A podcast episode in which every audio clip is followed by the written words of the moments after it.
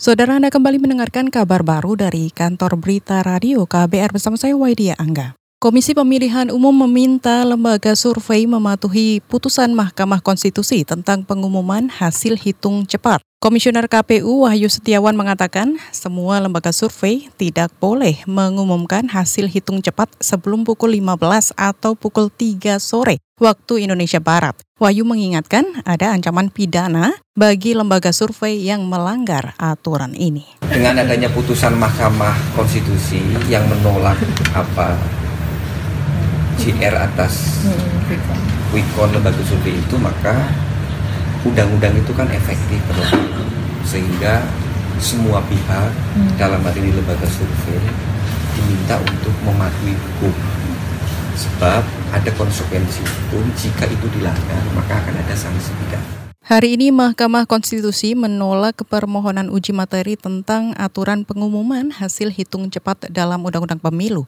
Dengan putusan ini, maka proses hitung cepat hasil pemilu baru boleh disiarkan dua jam setelah selesainya pemungutan suara di wilayah Indonesia bagian Barat. MK beralasan pembatasan waktu pengumuman hasil hitung cepat untuk menjaga kemurnian suara.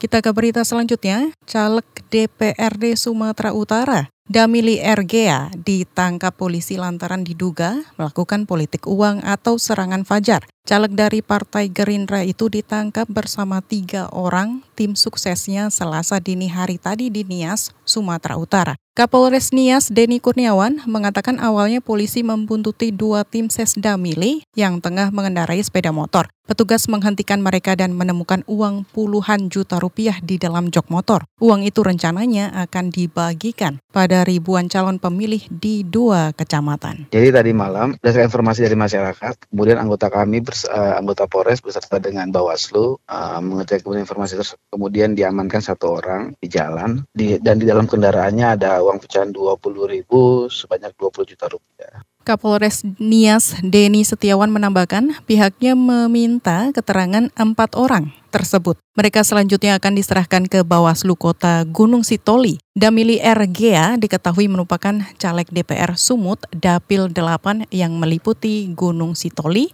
Nias, Nias Utara, Nias Barat, dan juga Nias Selatan. Kita ke berita selanjutnya. Komisi Pemilihan Umum atau KPU Jawa Barat menjamin penyaluran logistik pemilu rampung hari ini. Komisioner KPU Jawa Barat Nina Yuningsi mengatakan saat ini logistik disalurkan dari panitia pemilih kecamatan ke kelompok penyelenggara pemungutan suara. Ia memastikan seluruh logistik pemilu sudah berada di tempat pemungutan suara hari ini. Seluruh Jawa Barat ada 138.123.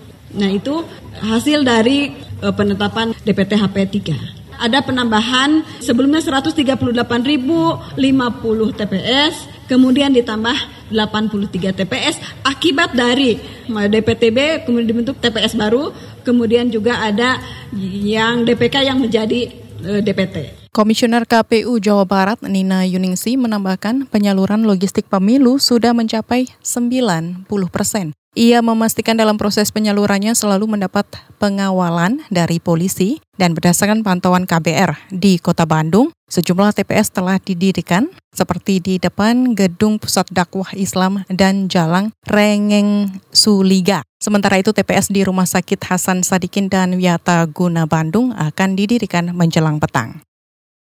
Kita ke berita selanjutnya. Menteri Perdagangan Enggar Tias Tolukito menepis anggapan bahwa Indonesia masuk perangkap pendapatan menengah atau middle income trap. Untuk diketahui jika suatu negara mengalami middle income trap, maka bakal kesulitan menjadi negara maju. Enggar mengklaim Indonesia saat ini berada di jalur yang tepat untuk mencapai negara berpendapatan tinggi. Ia menyebut berbagai indikator seperti pertumbuhan ekonomi yang stabil dan inflasi yang rendah. Saya tidak melihat bahwa kita masuk di dalam middle income trap. Kita lihat beberapa parameter yang ada. Bagaimana pertumbuhannya, katakanlah eh, kelompok milenial ini eh, naik dan diper, diberikan perhatian sehingga mereka mempunyai eh, pertumbuhan dari pendapatan itu sendiri, lapangan kerja segala macam. Tapi dibandingkan dengan dengan negara-negara di, maju di dunia yang di bawah 4%, kita menjadi mendapatkan apresiasi dan jangan lupa pertumbuhan pertumbuhan ekonomi yang stabil dan juga inflasi yang rendah itu yang menunjukkan uh, pertumbuhan yang berkualitas. Menteri Perdagangan Enggartia Stolukito menambahkan capaian ekonomi Indonesia juga diakui oleh Bank Dunia dan Lembaga Keuangan Internasional. Kata dia mereka menilai pertumbuhan ekonomi Indonesia jauh lebih baik dari negara maju.